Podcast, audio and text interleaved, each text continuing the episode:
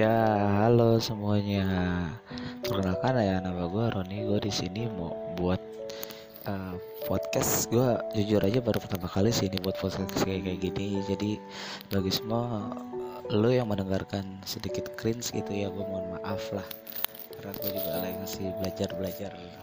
Cuman uh, gue mau perkenalan sedikit sih tentang apa sih yang ingin gue bahas di podcast gue gue sebenarnya yang pengen gue dibahas di podcast gue ini adalah hobi gue yang gue suka dari dulu.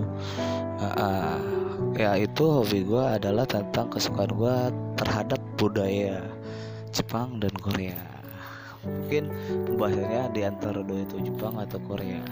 Kenapa sih gue bisa suka banget sama Jepang sama Korea? Mungkin gue sedikit curhat juga ya tentang kesukaan gue ini. Gue awalnya suka tentang Jepang dan Korea itu berawal dari kelas 5 SD di mana di situ gue uh, sering banget main namanya Ayo Dance. Uh, lagu lagu Ayo Dance itu kebanyakan pun lagu Jepang dan Korea. Dari situ gue mulai suka lagu-lagunya terus beranjak mencari grup-grup dari lagu-lagu tersebut kan. Dan akhirnya ya udah ketemulah dengan kekuatan internet grup-grup yang gue suka.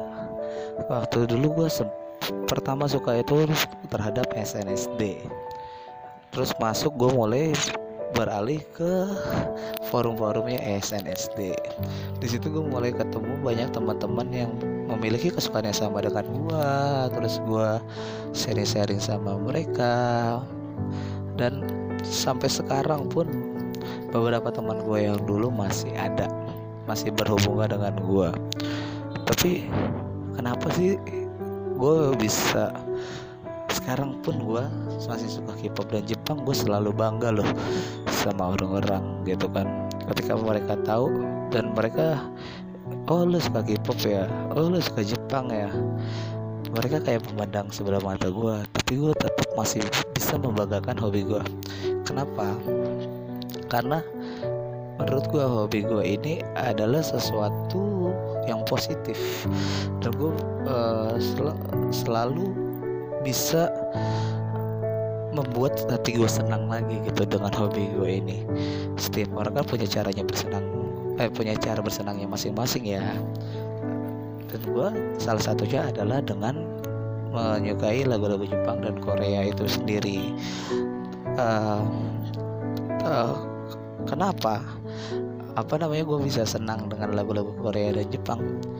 Awalnya ya karena Ayo Dance itu tapi seiring berjalannya waktu gue ketemu teman-teman gue yang suka dengan kesukaan yang sama terus gue sharing sama mereka awalnya melalui forum-forum di internet. Lalu gue bisa ada kesempatan untuk bertemu mereka bertemu langsung nongkrong bareng sering bertemu uh, di event Jepang ataupun gua nongkrong di rumahnya mereka itu makanya berjalannya waktu gue berpikir wah kalau gue positif ya. Makanya gue sampai sekarang bisa bangga. Karena pun dengan teman-teman gue ini mereka adalah teman-teman gue yang sampai sekarang punya andil cukup besar di hidup gue gue punya masalah lalu masalah dan masa lalu yang menurut gue mungkin gak bakal patut diceritakan lah tapi gue bisa terselamatkan oleh teman-teman gue ini. Dan ya stres gue hilang pun karena kesukaan gue ini.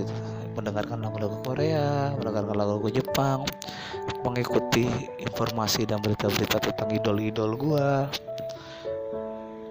gue sampai sekarang masih berhubungan dengan teman-teman yang dari dulu. Nah, sedikit cerita aja nih ya.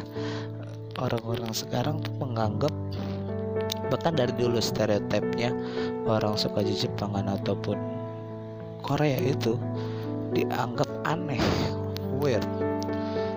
Karena mereka cuma tahu luarnya doang. Mereka cuma termakan oleh drama-drama yang negatif di internet mulai dari apa ya istilahnya fans K-pop itu bencong.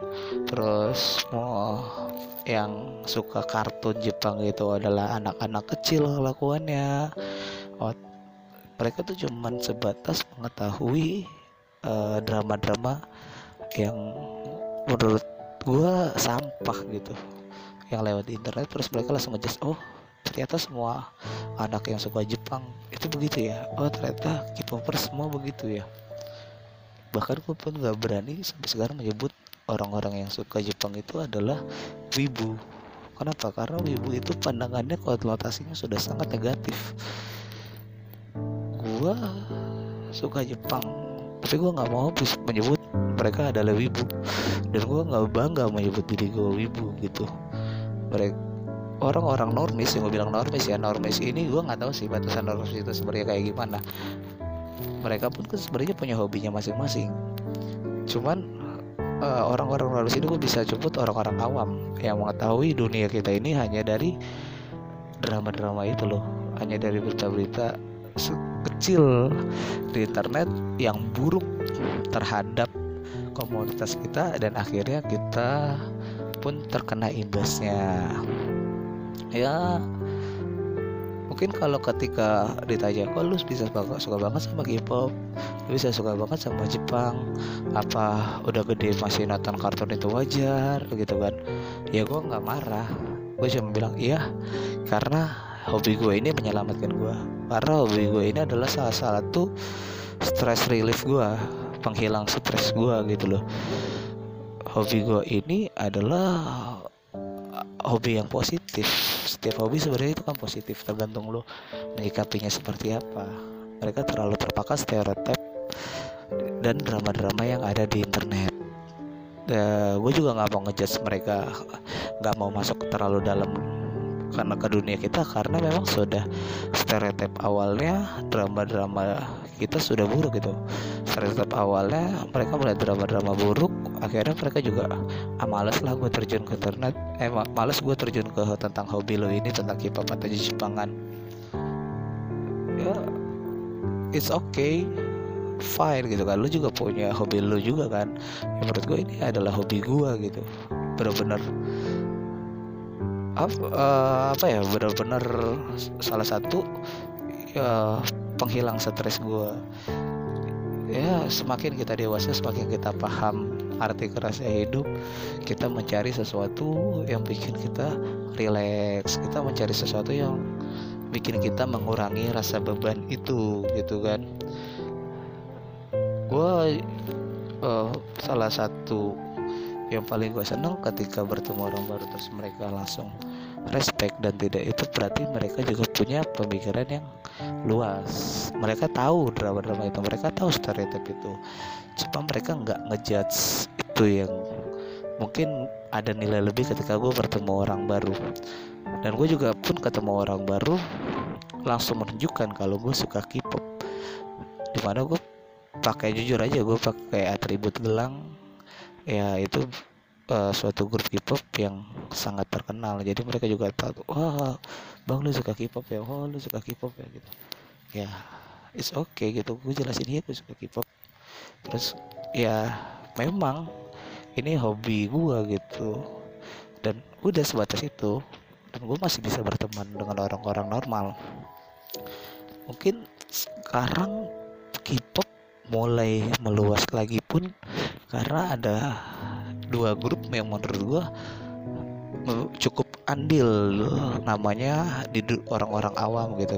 Like a BTS and Blackpink. Mereka selalu tahu gitu kan dua nama grup itu. Dan ya mereka berpikir buruk pun juga karena dua nama itu. Bukannya gue ngejudge ya coba jujur aja ketika nama uh, grup itu semakin gede fansnya juga semakin banyak. Ketika fansnya semakin banyak kelakuan fansnya bermacam-macam gitu loh. Dan yang mereka lihat adalah kelakuan fans-fans yang negatif fans-fans yang buruk. Ya balik lagi. Semua memang berawal dari kita kan.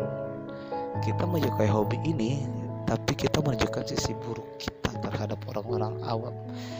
Yang kena imbasnya adalah orang-orang yang memang suka tapi ternyata menjadi positif dalam hidupnya dia. Salah satunya gua. Gua gue adalah orang yang menjadi positif bahkan terselamatkan hidup gue karena kesukaan gue terhadap Jepang dan Korea. Awal ya suka Jepang dan Korea lalu bertemu teman-teman dari internet yang punya kesukaan yang sama bermain bersama nongkrong bareng sharing-sharing bareng sampai mereka tahu tentang keadaan gua tentang masa lalu gua. Mereka nerima gua mereka selalu support gua. Mereka punya cukup andil yang sangat besar di kehidupan gue untuk ngedorong gue lebih maju lebih positif berarti kan circle gue positif semua. Teman-teman gue support gue mereka selalu ada. Bahkan mereka menganggap teman-teman di circle gue ini adalah rumah kedua bagi gue di saat gue lelah di saat gue memang lagi bete gue bisa sharing tentang kebetean gue gue bisa sharing tentang lelahan gue gue merebahkan badan ke mereka. Mereka pun juga sama mereka sering sharing tentang kehidupan mereka. Kita saling support satu dan lain. Mungkin nggak cuma di K-pop dan di Jepangan. Hobi-hobi yang lain pun sebenarnya sama. Cuman ada banyak orang yang termakan oleh stereotip-stereotip negatif yang beredar. Ketika hobi itu munculnya langsung stereo negatif, orang-orang awam langsung mengecap semua hobi itu adalah negatif. Jadi kurang bijak dalam apa berinternet lah istilahnya. Jadi kemakan hoax gitu. Bukan hoax juga sih sebenarnya fakta, cuman fakta yang sedikit dari keseluruhan kan karena kan itu memang kelakuan dari orang-orang pelaku hobi itu dan ada satu hal yang bisa bikin gue bilang kan tadi ketika gue baru gue masih bisa berteman masih bisa uh, berinteraksi mereka juga bahkan bisa respect. Kalau gue suka K-pop walaupun sebenarnya mungkin mereka benci tapi mereka tidak mengatakan itu secara langsung ke gue mereka tidak langsung ah gue nggak temenan sama lu jijik gitu. Gak ada gue cuman mereka tidak mau ngasih tahu. Mungkin mereka tapi melihat sisi lainnya dari gue gue penyuka K-pop gue penyuka Jepangan. Tapi mereka melihat sisi positifnya gue dan gue masih bisa itu karena satu yang selalu gue apa ya jadi acuan gue ketika bertemu orang ketika mereka bertemu gue dan mereka tahu gue K-popers gue wibu gue pecinta Jepangan gue nggak mau nyebut wibu ya sorry aja nih uh, keceplosan maaf. Ya gue uh, langsung bilang iya gue bangga tentang hobi ini. Lo mau temenan sama gue silakan. Tapi kalau lo benci tentang hobi gue lo benci hobinya tapi jangan benci guanya. Ya karena gue juga terlalu uh, over reaction over apa ya over menunjukkan over showing ke teman-teman baru gue bukan secara langsung tapi dari sosial media gue gue selalu menunjukkan mereka misalnya follow Instagram gue mereka nggak add Facebook gue gue banyak uh, memposting tentang hobi-hobi gue mungkin secara nggak langsung mereka wah jijik ah gue ngeliat story story Roni tapi ketika bertemu real life mereka tetap bermain dengan gue mereka tetap nongkrong sama gue bahasanya pun nggak tentang K-pop ya tentang apa yang kita lagi suka bareng-bareng atau kita lagi apa ya membahas sesuatu yang menurut kita kita ada di tengah-tengahnya. Itu sebenarnya kunci dari bersosialisasi. Lu bangga aja sama diri lu brave yourself man gitu. Ketika uh, lu K-popers tapi lu juga jangan malu. Apa ketika orang tahu lu K-popers dan juga saran gua walaupun gua melakukannya lu jangan over act atau over showing terhadap kesukaan lu secara langsung. Kalau gua ya secara langsung tapi di sosial media gue dan kalau sosial media itu lu balik lagi kalau lu bijak lu bisa ada yang namanya tombol mematikan atau istilahnya uh, offin semua postingan temen lu ini yang menurut lu bikin lu cringe. Jadi ketika temen lu posting lu nggak bisa lihat. Di hide istilahnya ya. Itu cukup bisa di hide kan? Kenapa lu harus ribut tentang suatu hal yang bikin malah hubungan antar manusia lu dengan teman lu ini hancur gitu kan? Ya mungkin itu sedikit perkenalan dan cerita curhatan gue tentang stereotip orang-orang sekarang. Tentang ya mungkin dulu kita bermain internet asik karena nggak terlalu banyak orang yang baperan. Sebenarnya kata baperan itu sendiri jadi bumerang loh. Kalau lo bilang ah lo mah baperan gitu. Ya berarti lo nggak mau disalahin. Sebenarnya lo salah gitu loh. Tapi sekarang bukannya jadi baperan jadi orang nggak bijak dalam melakukan itu. Karena memakan informasi yang setengah-setengah. Terus ketika sudah memakan informasi setengah-setengah dikasih tahu yang benar mereka malah ngotot. Nah yang ngasih taunya pun ngotot cuy dengan kata ah lu mah baperan. Itu kata baper itu sendiri sebenarnya bumerang. Tapi ya uh, lu nggak usah takut gitu kan. Kalau lu K-popers lu apa dicap jelek? Jangan langsung lu insecure di lu ya lu bangga aja apa ya lu suka. Karena setiap orang setiap manusia itu punya kesukaan dan hobinya masing-masing. Mereka semakin lu dewasa semakin umur lu bertambah lu lihat dunia lu tahu lu punya yang namanya masalah. Masalah itu selalu ada dalam kehidupan kita. Masalah itu yang membuat pikiran kita ke mana-mana. Membuat rasa takut membuat rasa cemas membuat kita berpikir ah ini terlalu berat buat kita. Kita nggak bisa menyelesaikannya. Itu kan termasuk rasa takut. Membuat kita overthinking ke mana-mana akhirnya menjadi depresi. Dan stres. Nah, stres ini yang perlu diatasi dengan hobi. Makanya setiap manusia mempunyai hobi masing-masing. Entah itu hobi motor hobi jalan-jalan hobi makan-makan hobi minum-minum. Setiap orang punya hobi. Dan hobi itu semua dilakukan bersama orang-orang yang mempunyai kesukaan yang sama makanya lo menemukan teman-teman lo menemukan teman-teman dengan kesukaan yang sama menjadi satu circle dari kesukaan yang sama pasti kita ingin tahu lebih dalam tentang orang-orang ini kan. Kita mencari latar belakangnya dan ketika kita sudah mencari latar belakangnya kita sudah cinta istilah kita sudah sama-sama. Dengan hobi yang sama gitu punya visi yang sama kita pasti akan menerima orang itu. Kita akan mensupport orang itu. Begitu juga dengan lu. Lu pasti bakal disupport sama orang itu gitu loh. Tapi ketika ketemu circle baru yang enggak sama hobinya. Bahkan dia mungkin sudah menganggap hobi tentang suka K-pop dan Jepangan itu jelek.